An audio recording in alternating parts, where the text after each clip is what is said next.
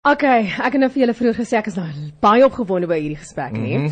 Um you know to be an entrepreneur it means that you are owning your own business, all right? And having this type of responsibility comes with a whole long list of boxes that you need to tick off. So the question is where do you begin and what does the law say when it comes to entrepreneurship? So this morning we're chatting to Michael Bagraim of Bagraim's Attorneys. He specializes in labor law. We're going to be finding out more. Michael, good morning. Welcome to the Ontbyt show. Hi, thank you. Thanks once again for having me. I really appreciate it. Wonderful. Michael, you know, if I'm wanting to begin this journey as an entrepreneur, what types of legalities should one be aware of when you decide to commence on something like this? Thank you. Yes. Uh, look, our jurisdiction in South Africa is not really conducive to people going to work for themselves or becoming an entrepreneur. Uh, we just have to compare it to Mauritius or to other jurisdictions such as Bali and Nigeria. Uh, we we should be encouraging people uh, to become entrepreneurs in South Africa.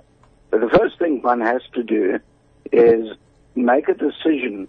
Do you want to trade as, in other words, you become Michael Bagraim trading as Bagraim's attorneys, or do you want to uh, use a formal vehicle um, such as a PTY Limited or a CC, right. um, or even a partnership.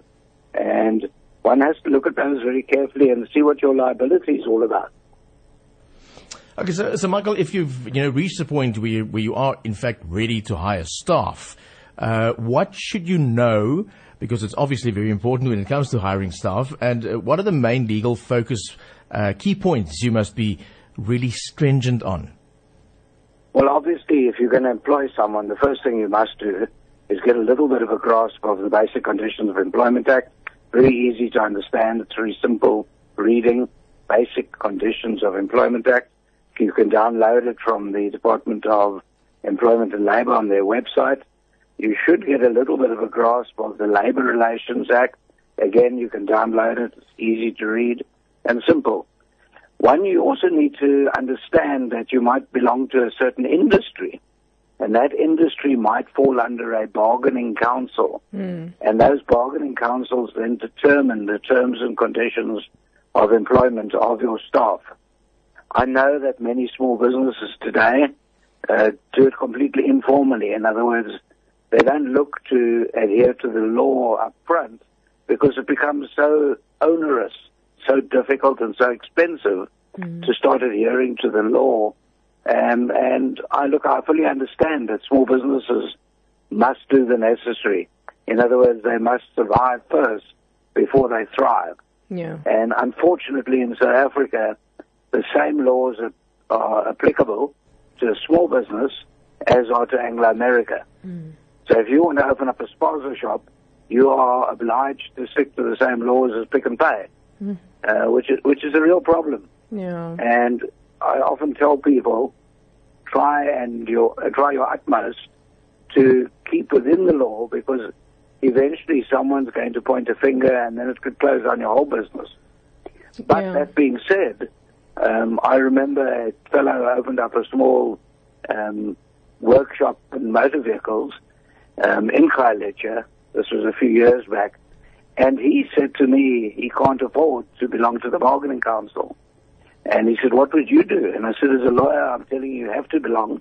But as a friend, I'm saying to you, try and employ your family, people who are not going to go and complain to the bargaining council, so that at least you can create employment, at least you can get up on your feet.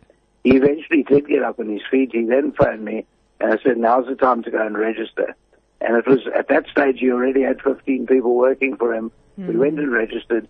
There needs to be legislation in this country that helps the small business, that doesn't stymie them, doesn't act as a handbrake to small business in the future. So true. You know, Michael, I believe always in crossing your T's and dotting your I's. Um, but then, I mean, Anton knows my, my colleague, uh, Anton, I'm saying, calling him Anton because I'm speaking English now. Um, he knows that yeah. I'm the admin queen. Uh-huh. Um, and he actually admits to not being an admin kind of guy, but I'm just that kind of person, you know. You must always have your documentation ready and, and have everything right that you can. But you're so right in saying what you're saying that, um, you know, it is not always that easy. Um, and I think also when one employs people and especially also with family, you must be able to be a good judge of character. You must go into this with a very, uh, I would say, an open mind and also a very defined uh, mind. You know, you must know exactly what what it is that you're looking for in the type of person that you're going to be having under your employ at the end of the day. Um, do you have any sort of parting legal advice? to help make the way a bit easier for someone wanting to become an entrepreneur? I know you mentioned a couple of the challenges that there are at the moment, um, but you know, I it's still an option. It's still something that one can try. Um, and if you manage to be that person that really sort of uh, gets to the top, I mean, it's amazing what doors can open up for you. Yeah, absolutely. Well, obviously, the first thing is whenever you have an agreement with anyone, committed to paper. Mm, um, yes. People often say, look, I trust him, I know him, Mm. um, I've been friends for 20 years. Committed to paper. It's paper, paper, paper. Because afterwards, there could be an argument and then they say, we didn't agree on that. Yeah. Don't, don't listen to that. Commit things to paper. Keep the paper safe.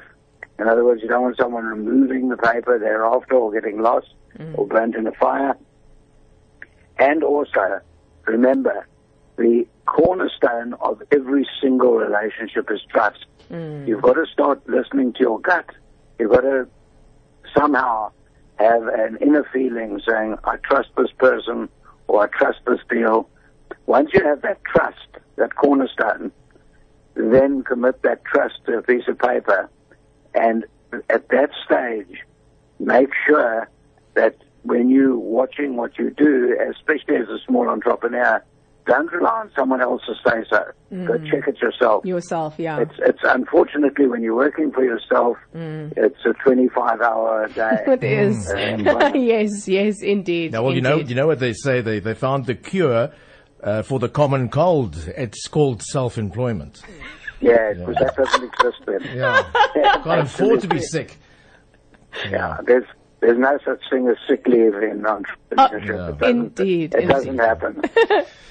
happen. Uh, Michael, um, thank you so much for joining us. Um, what I do love about our conversation is that you're just keeping this very sort of, uh, you know, um, transparent and open there, and so that we all know uh, the realistic, um, you know, side of everything. Because um, one is not trying to be negative; you're just trying to be realistic. You know, uh, what is it that you need to do? Where do you begin? What should you do with everything? And and that's the best way you can arm yourself to have the best business possible. Well, absolutely. Look, I encourage everyone, every single person, to have what is known as a side hustle.